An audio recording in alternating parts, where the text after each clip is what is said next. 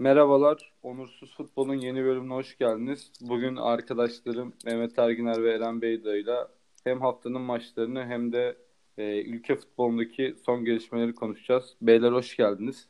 Hoş bulduk Ulaş, merhabalar. Hoş bulduk Ulaş. Ee, öncelikle geçen hafta hafta içi maçlar vardı. Onların arkasından bir program yapmak istiyorduk ama çok vakit bulamadık. Ee, birazcık da konular birikmiş oldu. Bugün hani dinleyicilerimize şunun ipucunu verelim. Uzun bir program bizi bekliyor çünkü konuşacak çok fazla konu birikti. Ee, programı kayıt aldığımız saatlerde de bir yandan maçları takip ediyoruz. Pazartesi akşam yapıyoruz kayıtları. Yani enteresan da skorlar var şu an. Şampiyonlar şampiyonluğun en büyük iki adayı Başakşehir ve Trabzon.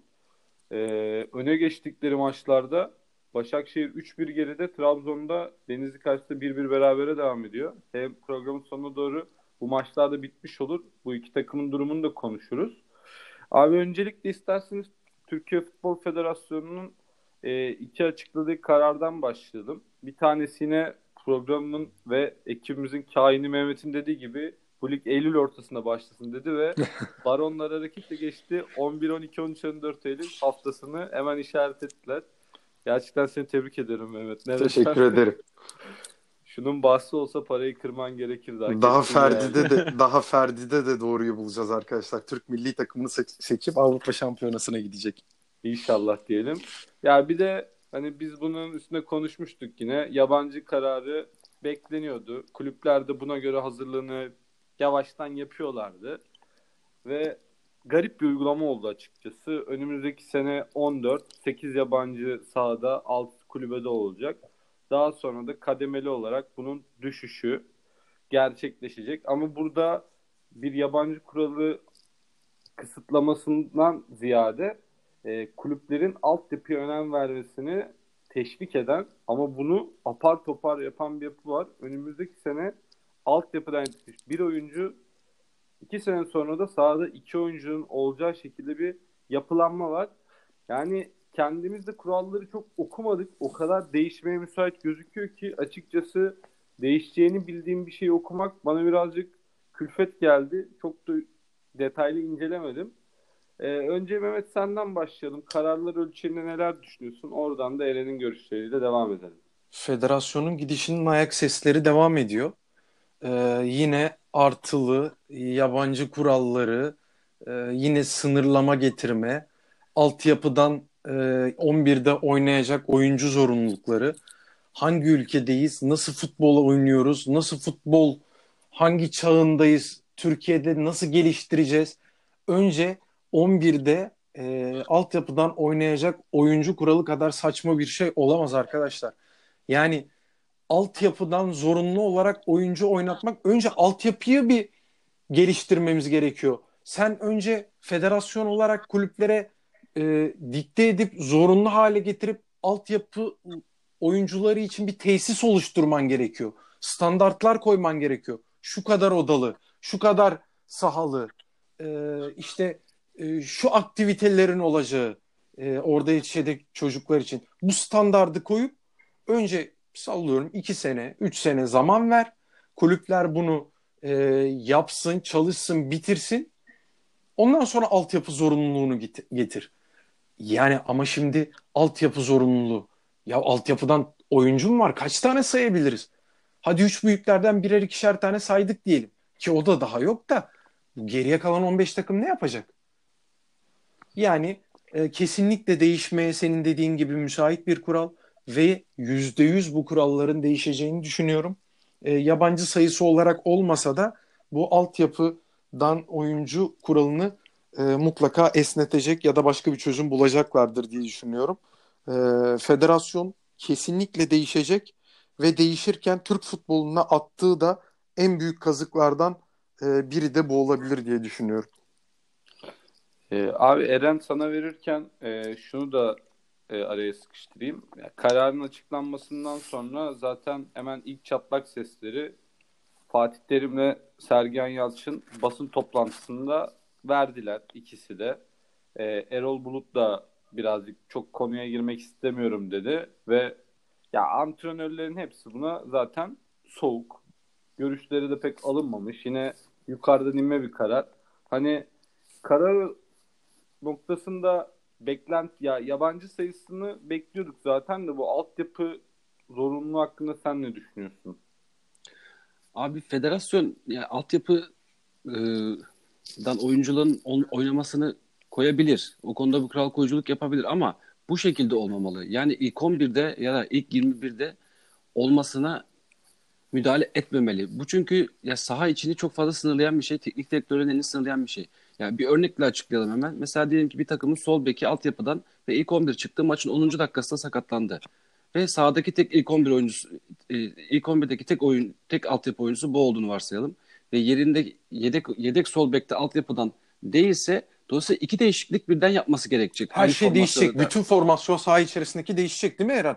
Tabii ki yani ya da ne yapacak? Yani orta sahayı sol bek oynatmaya çalışacak. Yani bu tamamen mantık dışı, tamamen çağ dışı bir uygulama. Bu sürdürülebilir olmakla beraber hiç uygulanabilir de bir şey değil. Yani daha ilk maçta böyle bir şey olduğunda aa biz yanlış yapmışız diyecekleri bir şey yani. Ya zamanla düzelir diyeceğim bir şey de değil. Kesinlikle öyle. Kim alıyor abi bu kuralları? Gerçekten bu e, kurulu merak ediyorum ya. Bunları kim alıyor bu kararları, bu maddeleri başkanın önüne sunuyor da başkan okumadan mı imzalıyor? Hayret içerisindeyim ya. Ya çok kısa bir e, örnek vermek istiyorum. Tam hatırlayamadım ama çok yakın bir zamanda olmuştu. Galiba Romanya olabilir arkadaşlar. Böyle bir kural var. Altyapıdan oyuncu 11'de başlamalı zorunlu kuralı var. Bir oyuncu. Şöyle oldu. 11'de başladı. Birinci dakikanın sonunda altyapıdaki oyuncuyu çıkarttı. Tabii bizden biraz daha farklı kural. Oyuncuyu çıkarttı. istediği oyuncuyu yerine koydu. Tek oyuncu değişikliği hakkını kullandı. Maçını öyle devam etti. Petrescu diye bir hoca olması lazım. Yanlış hatırlıyordu olabilirim ama olay bu şekilde gerçekleşti yani. Şimdi burada oyuncuyu da kaybettin. Genç oyuncuyu da kaybettin. Evet. Yani bizde de e, mutlaka bunlar düzeltirecektir diye tahmin ediyorum. Bu şekilde asla gitmez Eren. Ya kesinlikle gitmez. Evet ama şu noktada da şöyle bir problemimiz var gerçekten. Altyapıdan çıkan oyuncular A takıma yükselemiyorlar. Yani işte U19'daki oyuncular ve U21'deki oyuncular da yükselemiyorlardı. Bunun sebebi arada bir uçurum seviyesinde bir fark oluşmasının oluşmasından kaynaklanıyordu. E sen şimdi ilk, on, ilk, ilk 11'e veya ilk 21'e altyapıdan oyuncu getirerek bu farkı kapatamazsın. Yani bu farkı kapanması için tek makul çözüm B takım kurulmasıdır. Yani Süper Lig'deki 15 takıma hatta belki TFF 1. Lig'deki birkaç takıma da B takım kurulacaksın. Bu takımlar 3. ligde mücadele edecekler. O zaman o genç futbolcular gerçekten bir seyircinin önünde 3. lig mücadelesi bir resmi müsabakaya çıkıp U21 sadece kendi seviyesindeki futbolcularla değil de her her yaştan oyuncuların olduğu her şehirden, her memleketten, her ilçenin takımı olduğu birlikte üçüncülük olur. Bunda da üçüncülük olur, bunda da ikincilik olur. Orada kendini gösterecek. Orada kendini gösteren oyuncular da zaten 20 tane oyuncu diyelim. 3 tanesi 5 tanesi de B takımdan A takıma geçecek. Bu şekilde bu farkı kapatabilirsin. Ama hiçbir zaman bu uygulamaya yanaşmadılar. Nedense bu şekilde aptalca kurallar koyup düzeleceğini düşünüyorlar.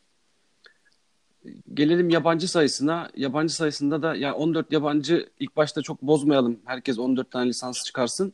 8 tanesi sahada olacak. E 6 tanesi ne olacak?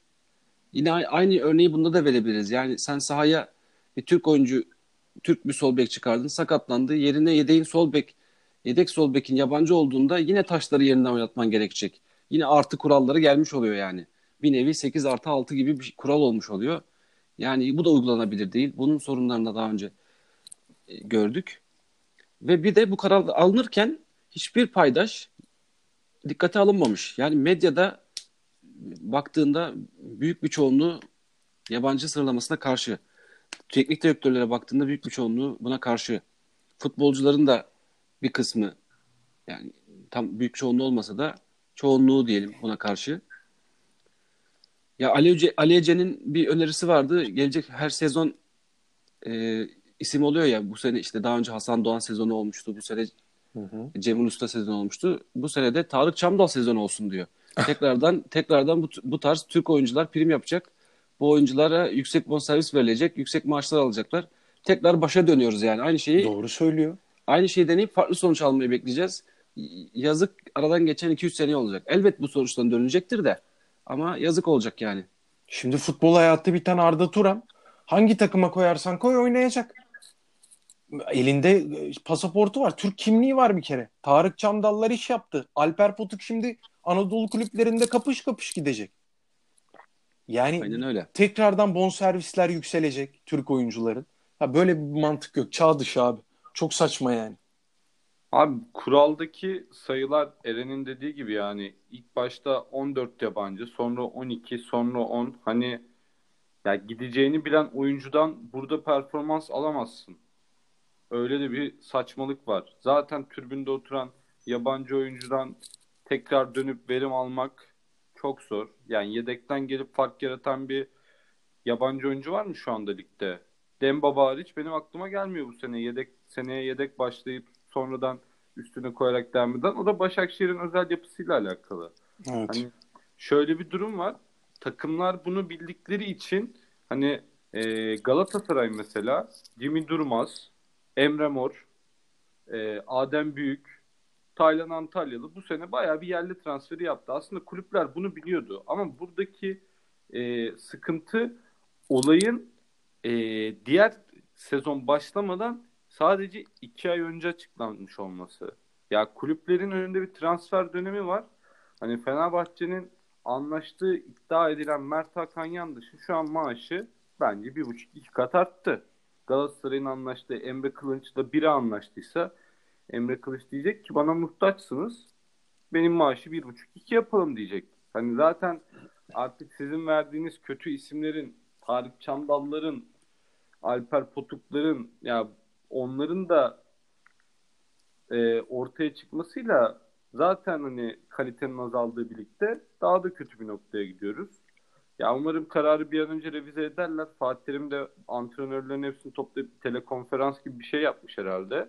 Hani bu noktada görüş birliğine varmak için. Bence doğru bir hareket. Ya umarım birazcık e, bu konuyu tecrübe etmişlere en azından önümüzdeki sene pandeminin de devam ettiğini düşünürsek e, ertelemekte ve gerçekten biraz aklı selim düzenlemekte fayda var. İsterseniz buradan yavaştan takımlarımıza geçelim. E, haftanın maçlarıyla. Var mıdır ekleyeceğiniz bir şey konuyla ilgili? Yok abi daha çok konuşacağız gibime geliyor zaten. Ya bu zaten kuralla ilgili. Bu noktada şu- yani düzenleme yapılacaksa şu şekilde olmalı. Daha önceki bu yabancı sınırlaması ne olmalı programımızda da anlatmaya çalışmıştım. Yani e, tüme vararak değil de böyle yabancıyı azaltı arttırarak değil de tümden gelerek yapmamız lazım. Abi biz ligimizde ne kadar yabancı olsun istiyoruz? E, Şu anki mevcut kuralda neydi? 28 kişilik kadroda 14 yerli olacak, 14 yabancı olacak. Yani bir %50 dengesi vardı. Dolayısıyla ligdeki oyuncuların yarısı yerli, yarısı yabancı. Bu seni rahatsız ediyorsa, eğer çok fazla yabancı var, bu seni rahatsız ediyorsa bunu %40'a 60'a çekebilirsin. Ya, e, bununla daha fazla da oynayamazsın zaten. E, Çok fazla bence %50 de gayet 50-50 olarak da eşit de bir denk. Hem yerliye hem yabancıya eşit şans vermiş oluyorsun. Yapılabilecek bir diğer nokta şuydu. 28 oyuncunun 22 tanesi de yaş sınırı yok ama 6 tanesinde diyeceksin ki 22 yaş altı olsun. Ya da 23 yaş altı olsun, 21 yaş altı olsun. Bu şekilde bir sınırlama getirebilirsin. O zaman kulüplerimiz yerli yabancı bakmaksızın her her kulüp 6 tane oyuncu yetiştiricisi olacaktı aynı zamanda. Bu şekilde 3 yılın 5 yılın planlaması yapılabilir ve bunun da çok faydasını göreceklerdir diye düşünüyorum. Yani katılıyorum sana o noktada. Ben buradan direkt Fenerbahçe Sivas maçına geçiş yapayım abi.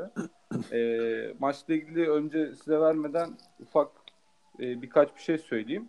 Ya sonuçta Bir- Sivasspor'un ya, var Bir- mıydı? Bir di- dipnot vereyim. Evet. Dembaba'nın adı geçti az önce. Şimdi golünü de attı. 3-2 oldu maç. Aynen. Gördüm ben de onu şu anda. Ee, ya Fenerbahçe Sivas maçı özelinde e, haftanın maçları bir önceki haftanın maçları derken üçüncülüğün kader maçı oldu gerçekten. E, maçta da ülkemizde 2-3 senedir başarılı top oynayan Aruna Kone mesela mükemmel bir futbol oynadı. Bu, bu tarz oyuncuların lige gelmesini engelliyorsun bu kuralla.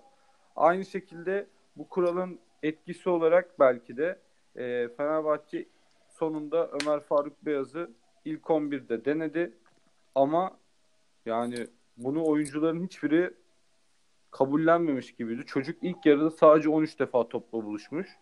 Yani maçı izlerken Ömer Faruk Beyaz sahada mı değil mi? Bence oyuncudan daha çok takım arkadaşlarıyla alakası olan bir durum vardı dün. Hani Fenerbahçe bu sene alıştığımız şekilde pozisyonunda oynamayan oyuncularının gazabına uğradı. Ozan Tufan gibi bu takımın seneye çekirdek kurduğunda yazacağı 2-3 oyuncudan birisini defansa çekti ve Ozan'ın yaptığı bir penaltı, Ozan'ın arkasına kaçan bir oyuncudan yenilen golle 2-1 maçı kaybetti. Hani çok da parlak oyun oynamayan Fenerbahçe'nin bayağı ciddi bir şansı oluşmuştu ama maalesef Fenerbahçe bence 3. denkleminden tamamen çıktı ve Sivas orayı şu an Beşiktaş'la beraber götürecek gibi duruyor. Hani maç özelinde görüşleriniz nedir? Nasıl buldunuz Fenerbahçe'yi? Ve gelecekteki yapılanmalarla ilgili umut ışığı görebiliyor musunuz? Bu, bu sefer Eren'den başlayalım. Sonra Mehmet'le devam edelim. Ya çok fazla maçın detayına girmeyeceğim. Ee, ama sen aslında mesajı vermiş oldun.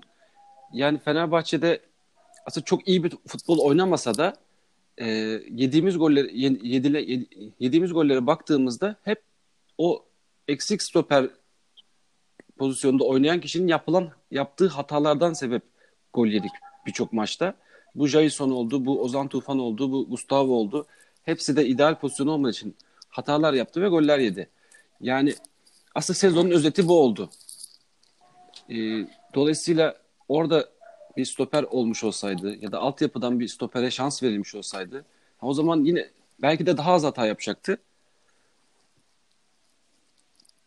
Sezonu Abi, benim anlamadığım bu e, Portekiz takımlarının izlemeye geleceği bu Alece'nin vesaire anlattığı stoper olan oyuncu iki oyuncu da sakat mı mesela şu anda? Hayır. Abi, gerçekten bilmiyoruz yani. Bir, bir kere ÖSS var dediler. O çocuk o hafta sonu izin verdik dediler. Sonrasında çocukları yedekleri alıp hiç şans vermediler. E, e, sakat olsa yedeğe de almazdı diye düşünüyorum. Bu Ali Ece'nin bahsetmiş olduğu oyuncu e, hiç kadroya giremedi daha. Ama Fenerbahçe'nin kadrosunda U19 milli takımının değişilmez stoperi 1.90 boyunda Gürkan Başkan diye bir oyuncu var arkadaşlar. Hatta pandemi öncesinde U19 galiba Litvanya ile oynuyordu milli takım. Golü de var. Fuleli, çok iyi kesici özelliği olan genç bir çocuk var. 19 yaşında pırıl pırıl bir genç var. Şimdi Ozan Tufan'ı oynatmanın stoperde hiçbir mantığı yok. Neden yok? Çünkü bunu haftalarca şeyi sonda denedin. Çok büyük kayıplar yaşadın. Gustavo ile yaşadın. E, çektin oraya. Orta sahayı kaybettin. Şimdi tekrardan Gustavo ve Ozan ikilisi orta sahada kendini bulmuş ve rakiplere kendini kabul ettirmişken tekrardan o ikiliyi bozup stoperde Ozan'ı oynatmanın hiçbir anlamı mantığı yok. Neden Gürkan Başkan oynamıyor? Bunlardan daha mı fazla hata yapar? Yapsın ki ben yapmayacağını düşünüyorum. Yapsın abi. Dün Emin Bayram yaptı. Galatasaray ne kaybetti? Emin Bayram'ı kazanmaktan başka ne kaybetti? Ya bu mudur yani abi? Niye oynamıyor bu çocuklar? Ozan Tufan zaten yerinde oynamış olsa bile ne değişiyor? Sağ tarafı Dirar'ın açığını kapatmaktan, Emre Kılınç'ı kovalamaktan, destek yapmaktan sağ beke zaten stoperlik yere, görevini yerine getiremedi ki. Zaten getiremedi. Niye Murat sağlam oynamıyor arkadaşlar? Niye önümüzdeki sezon için kazanmaya çalışmıyoruz bu çocukları? Ne olur en fazla altıncı mı oluruz? Şu anda kaçıncıyız zaten? Ne olabilir? Ne düşünüyor Emre Belezoğlu? Neden oynatmıyor? Ya Amaç bence, ne burada? Bence Şampiyonlar Ligi'ne gidecek bir ışık gördüler. Bu arada Başakşehir'de 3-3 yaptı. Döner o maç. maçı da 1-1 şu anda. O maç ya, dönmez. Ya şimdi şöyle bir durum var bence o noktada. Bu maç özelinde e, hem Ömer Faruk Beyaz'ın da yanlış maçta oynadığını düşünüyorum ben.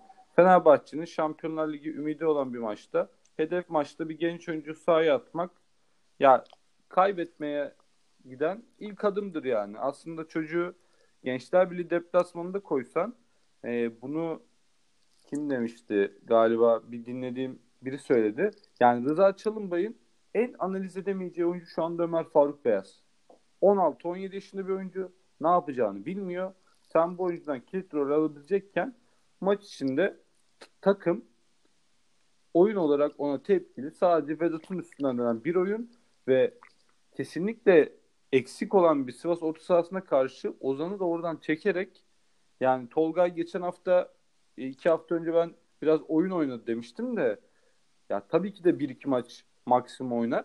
Ozan Gustavo Emre ile çıksam belki de şu maça 30 dakikada bitirebileceği bir maçta Fenerbahçe çok enteresan yanlış bir mağlubiyet aldı. Tamamen hocasızlıkla gelmiş bir mağlubiyet bu. Aynen Ya başka bir izahı yok bunun yani. Ligin ikinci yarısının Galatasaray'la beraber en kötü iki takımından biri Sivas. Oynadığı oyun itibariyle pandemi öncesine bakarsak. Hani Bakın. Fenerbahçe, Fenerbahçe için hayırlı mı oldu? Belki de hayırlı oldu ama ben eminim ki e, yönetimin dünkü maçtan büyük bir ümidi vardı. Böyle Beşiktaş deplasmanına gümbür gümbür giden bir Fenerbahçe hayal ediyorlardı ama olmadı. Ama bence hayırlı oldu önümüzdeki sene için. Yine bas bas konuşuyoruz burada. Ferdi hariç gelecek seneye yönelik herhangi bir hamle yok. Ya Aynen bu- öyle. bunun da acısını seneye yine ilk 15-20 hafta çekmez de Fenerbahçe.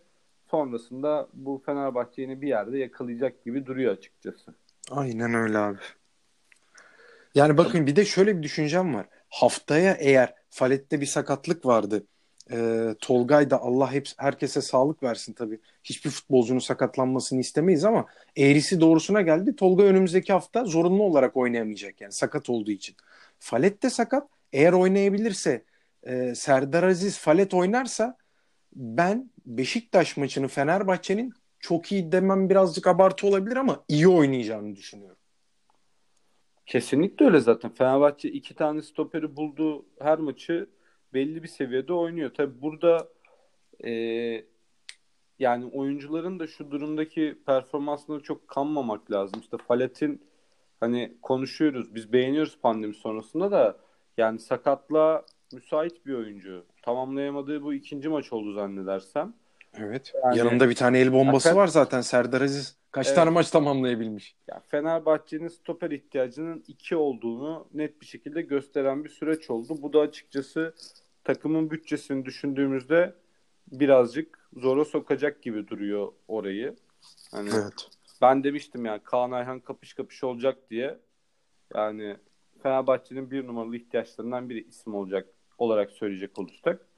Çok iyi topçu ama gerçekten Allah'ına çok fayda sağlayacaktır. Kesinlikle. Buradan isterseniz Galatasaray'a geçelim. Ee, Gal- Geçelim. Galatasaray hafta içi oynadığı maçta Alanya'ya 4-1 kaybetti. Bence pandemi sonrasının tek iyi oyununu oynadı. Başakşehir maçının son yarım saatiyle beraber. Yakaladı ama atamadı. İki devrenin sonunda da yediği ikişer tane golle 4-1 maçı kaybetti. Bunun aksine 3 gün sonra Ankara gücü gibi ligin sonuncusu, en Gerson Rodriguez de maç öncesi e, Kulisic'e falan oyuncuyu. O da kadrosu bırakıldığı bir maçta sıfır üretkenlikle Ankara gücünü de kaybederek tamamen havlu atmış oldu. Yani maçta Galatasaray adına sevindirici sadece Emin Bayram'ın kaptan çıkması her ne kadar penaltı yapsa da e, ya Fatih Terim yine bir genç oyuncuyu fırsat bulduğunda öne atması. Yani burada hocayı da fazla fazla övenler görüyorum. Anlamıyorum. Sanki Donk sakatlanmasa Fatih Terim Emin Bayram'la kaptan başlayacak. El- Eline böyle bir avantaj geçti. Bunu kullandı. Bu kadar abartılacak bir şey yok. Ama yine akıllanmamışlık belli oluyor ki maçın son 10 dakikası Ahmet Çalık forvet hamlesiyle ya Galatasaray'ın da kadro sıkıntısı şu anda en çok belini büken nokta. Falcao yani geldiğinde sevinmeyen nadir Galatasaraylılardandım. Ama bu kadarını beklemiyordum tabii ki de. Ben bir 20 gol civarı bekliyordum oyuncudan. Ama yani bu kadar mı yatmaya gelinir ya? Robin van Persie'nin Evet. iki gömlek altı bir performans sergiliyor. Hiç izleyemedik oyuncuyu.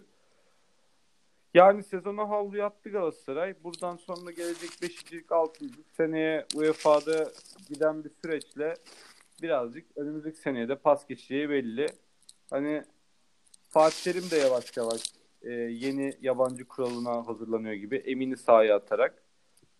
Hani insanlar birazcık Ozan Kabak güzellemesi yapıyorlar Emin'e ama bence pek alakası yok.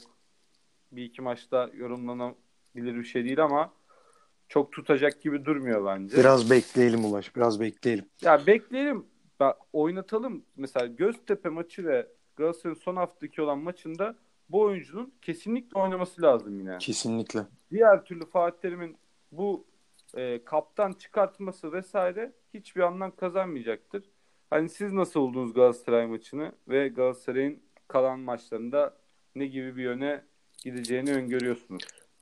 Alanya Spor'da e, maçında dediğin gibi katılıyorum sana gerçekten iyi bir maç oynamıştı. 4-1 skorun 4-1 olmasına bakmamak lazım. Son iki gol zaten son dakikalarda gelmişti. Başa baş bir oyun vardı. 2-1 öne geçen Galatasaray da olabilirdi. Ama yine aynı şekilde Ankara gücü maçında da e, artık tamamen pes etmiş bir Galatasaray vardı. Hani bitse de sezon Fenerbahçe diğer takımların olduğu gibi e, sezon bitse de yeni sezona başlasak modundalardı. Üçüncülük umudunu da kaybetmiş anlaşılan e, o maç öncesinde. Onun dışında yani Emin Bayram dışında da bireysel performansı konuşmaya çok da gerekli bir oyuncu yok. Çünkü şaşırtan bir oyuncu yok. Falcao zaten yoktu.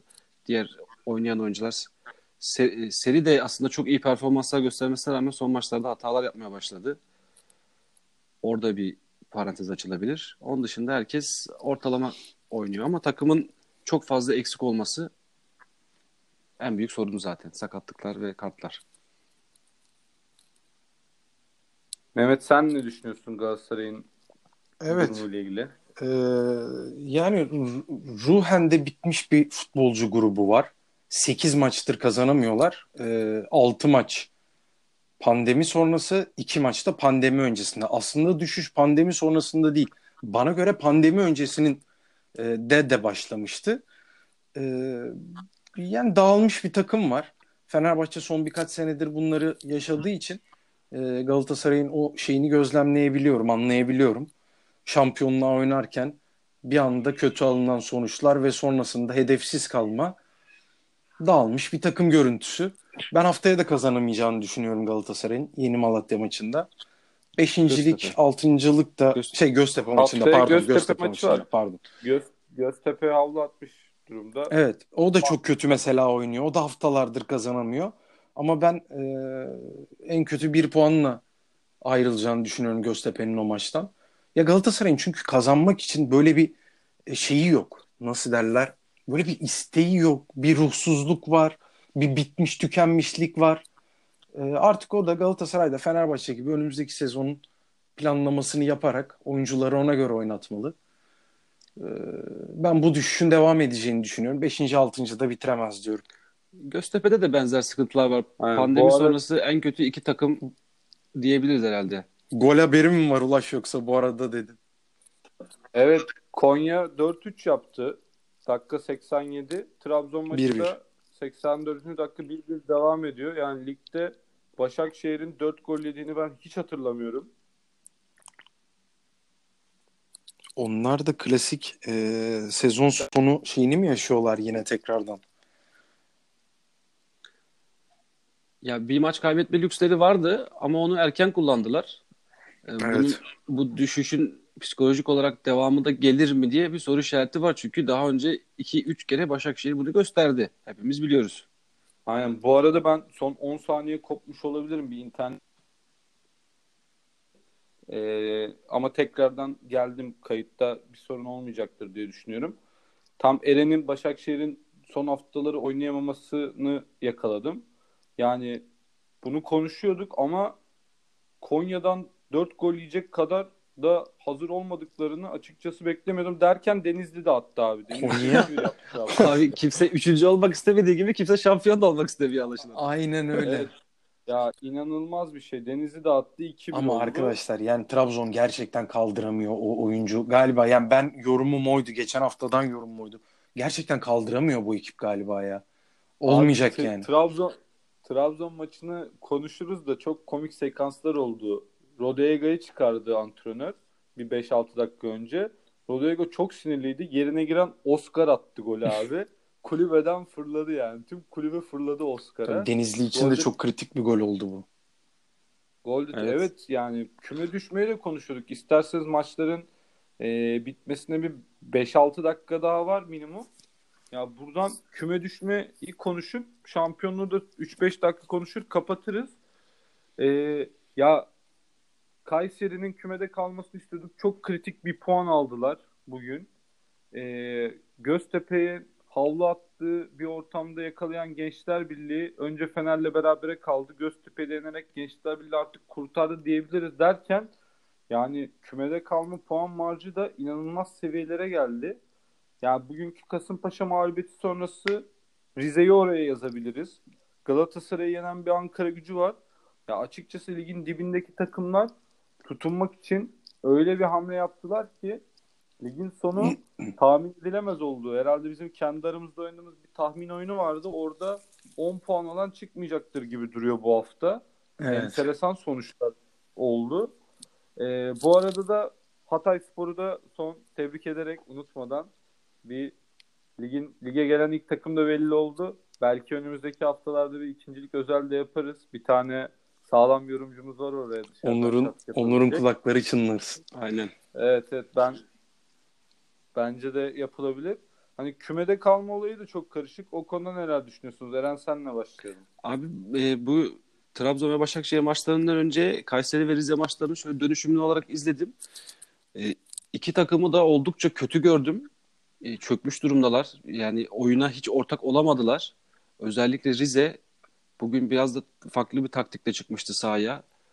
E, çok tecrübesiz stoperlere sahip Rize. Onun etkilerini gördü. Basit goller yediler. E, Kasımpaşa zaten pandemi sonrası en iyi takımlardan bir tanesiydi. Ama çok da böyle bastırmadı bastırdı diyemem Rize karşısında ama Rize gerçekten bitmiş. Biraz kalan haftalarda çok işleri çok zor. Kayseri de, Kayseri de keza öyleydi ve üstelik iki, iki tane kırmızı kart, iki tane gereksiz e, kırmızı kart gördüler. İkisi de böyle e, rakibin kendilerine yaptığı darbeye karşı verdikleri sert tepkilerden kaynaklanmış kaynaklandı. Ama biraz da şans yanlarındaydı herhalde. Son dakikada bir serbest vuruştan gelen uzun topta kalecinin yanlış çıkmasıyla golü buldular. Bir, bir puan alabildiler. O bir puan belki onları ligde tutacak. Belki de o bile yetmeyecek. E, açıkçası Kayseri'nin de kalan maçları da Başakşehir ve Trabzon'la olduğu için işini çok zora soktu. Rize'de bir diğer ateş hattındaki Malatya ile oynayacak. Bu iki takımın da kalması iyice güçleşti.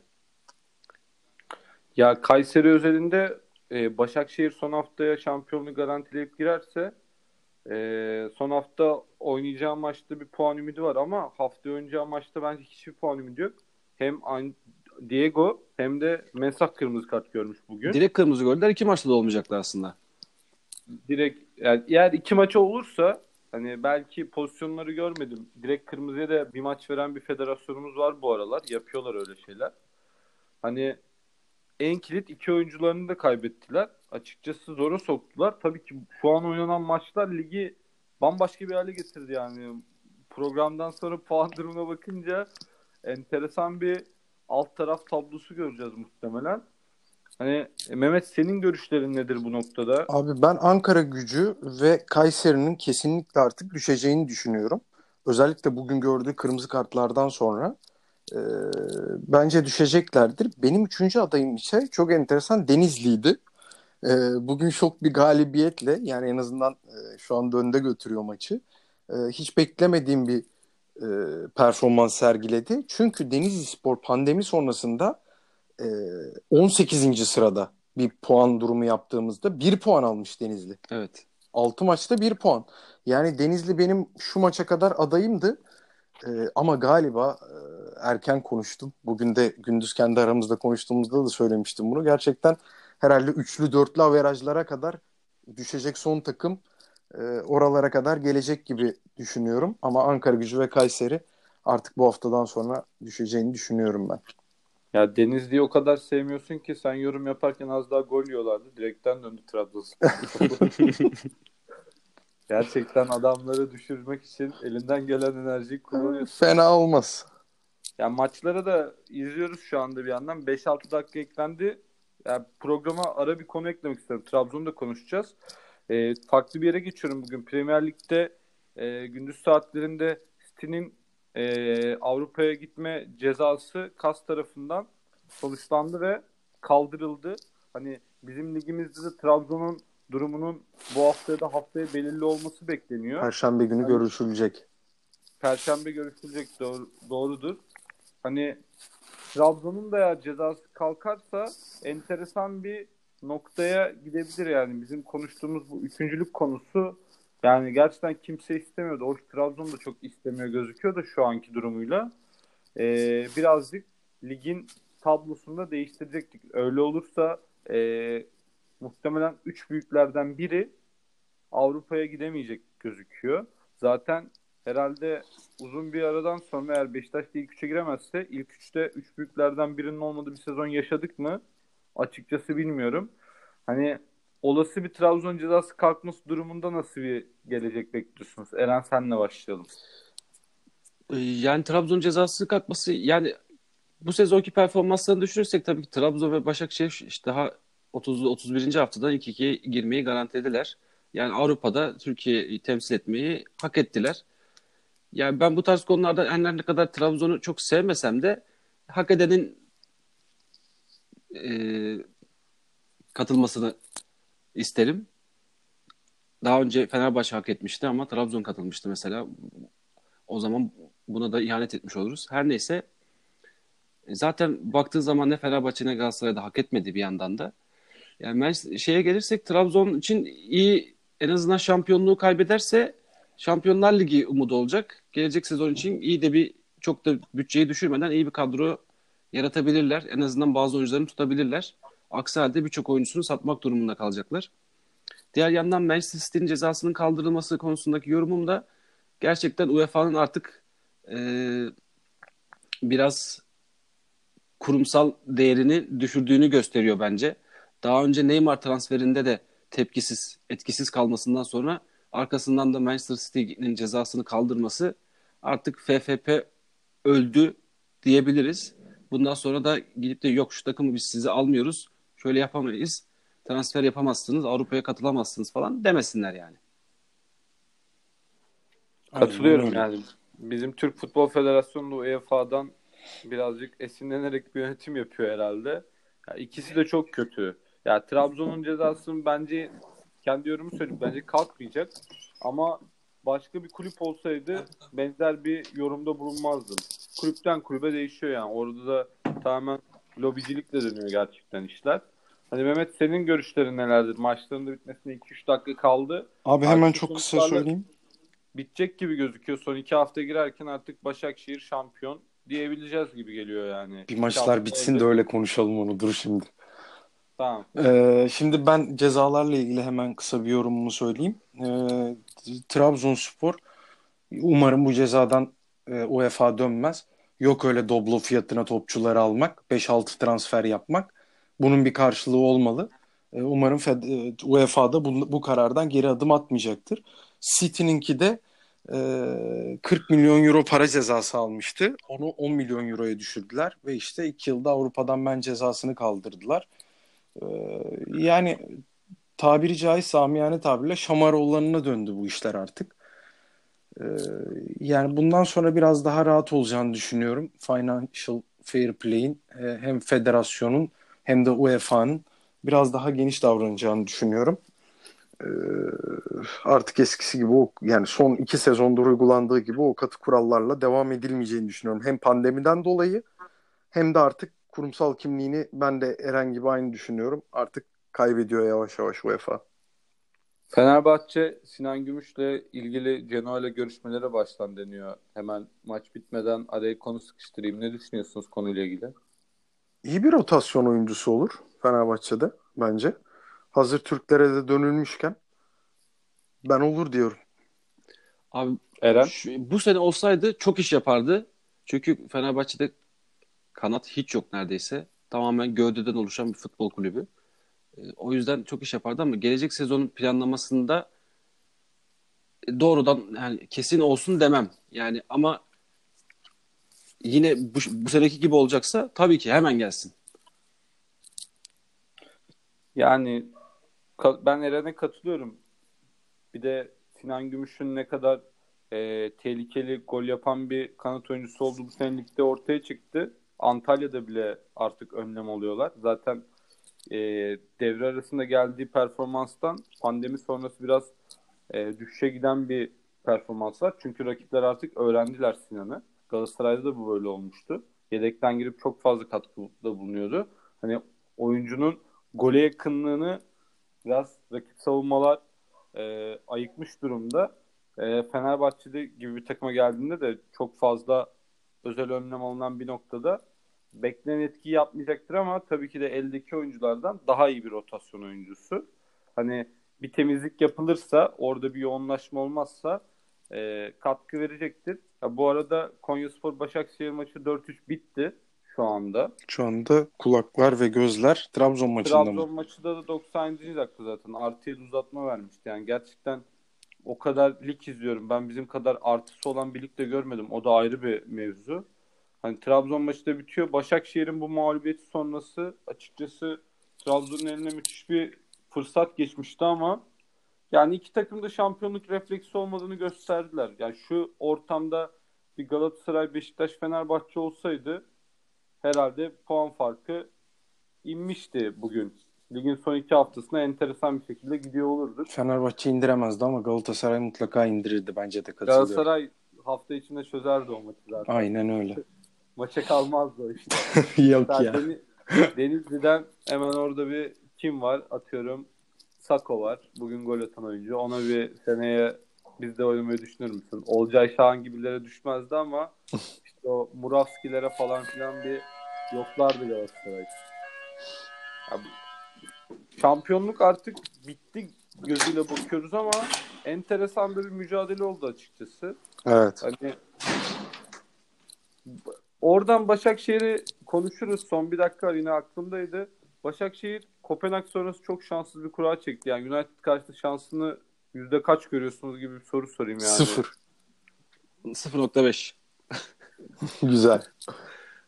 Yani ben de öyle görüyorum. Çok kötü kura oldu. Yani mesela United'ın da bu maçlar oynanırken maçı vardı. Southampton'a karşı geri düştüler ama ilk yarıda hemen yine bir şekilde 2-1 öne geçtiler. Çok yükselen bir formu var United'ın da. Yani çekilebilecek en kötü takımı seç çektiler. Ha tek maçtır ya da Başakşehir'i United'a karşı izlemek kesinlikle çok keyifli olacaktır. Okey ama keşke başka bir takım se- çekselerdi. Bu arada Denizli Spor maçı da bitti. Denizli Spor'u Trabzon 2-1 yendi. Tüm bahis şirketlerini kutluyorum. Mükemmel kazançlı bir hafta oldu onlar için. Gerçekten. Evet artık Başakşehir şampi diyebiliriz o zaman arkadaşlar. Tabii haftaya Kayseri ile oynuyorlar. İlan edeceklerdir gibi geliyor haftaya. Tabi haftaya kazandığı takdirde e, şampiyonluğunu ilan edecektir. Hatta kaybetmişse durumunda bile ilan edebilir Trabzon maçına bağlı olarak. E, bence bu sene yani son birkaç sezondur gerçekten Başakşehir çok hak ediyordu. Gerçekten sonuna kadar getiriyordu. Ama o işte şampiyonluk refleksini gösteremiyordu. Aynı bugün olduğu gibi. Bu düşüşü e, ben şöyle bir tezim vardı hatırlarsınız belki birkaç hafta öncesinde. Başakşehir takıldığında dağılacak diye bir tezim vardı. E, umarım haftaya bu e, düşüşü ve dağılması devam etmez. E, haftaya şampiyon olurlar. Ben Başakşehir'in sonuna kadar hak ettiğini düşünüyorum bu sezon şampiyonluğu. Son 4 sezondur son 2 haftaya kadar getirip e, bu sezon da yine getirdiler. Ama umarım e, bu sezon şampiyon olurlar. E, Okan Hoca ve ekibi çok büyük işler başardılar. E, UEFA'da da e, bizi temsil ediyorlar. E, bence hak ettiler. Eren sen ne düşünüyorsun? Yani benim de gönlüm açıkçası Başakşehir'den yana. Çünkü e, sadece bu sene değil yani 3 yıldır zirveyi zorluyorlar. Ucundan kaçırdılar. Son maçlarda pes ettiler vesaire. Ama baktığın zaman e, kadro planlaması e, açısından çok doğru transferler yaptılar. Lig e, bir de böyle çok Aa, bu oyuncuyu nereden buldun da getirdin gibi bir transfer politikada da değil. Aslında Süper Lig'e gelmiş e, ama değerini bulamamış oyuncuları işte üç büyüklerden e, alıp e, takımda e, o, o oyuncuları yani değerini kaybeden oyuncuları alıp tekrar değerini arttırmaya çalıştılar. Yaptıkları transferlerde de dışarıdan yaptıkları transferlerde de istikrarlı bir şekilde 3 sezon 4 sezondur oynatıyorlar. İşte Klişe olsun, Kaysar olsun, e, Visca olsun. en az 3-4 sezondur bu takımın bir parçasılar. Böyle böyle adım adım planlı planlı bir şekilde geldiler. Bir anda olmadı yani bu süreç. O yüzden de bu kadar sürenin sonunda artık bir şampiyonluk bu kadar da yaklaşmışken yaşasınlar isterim yani.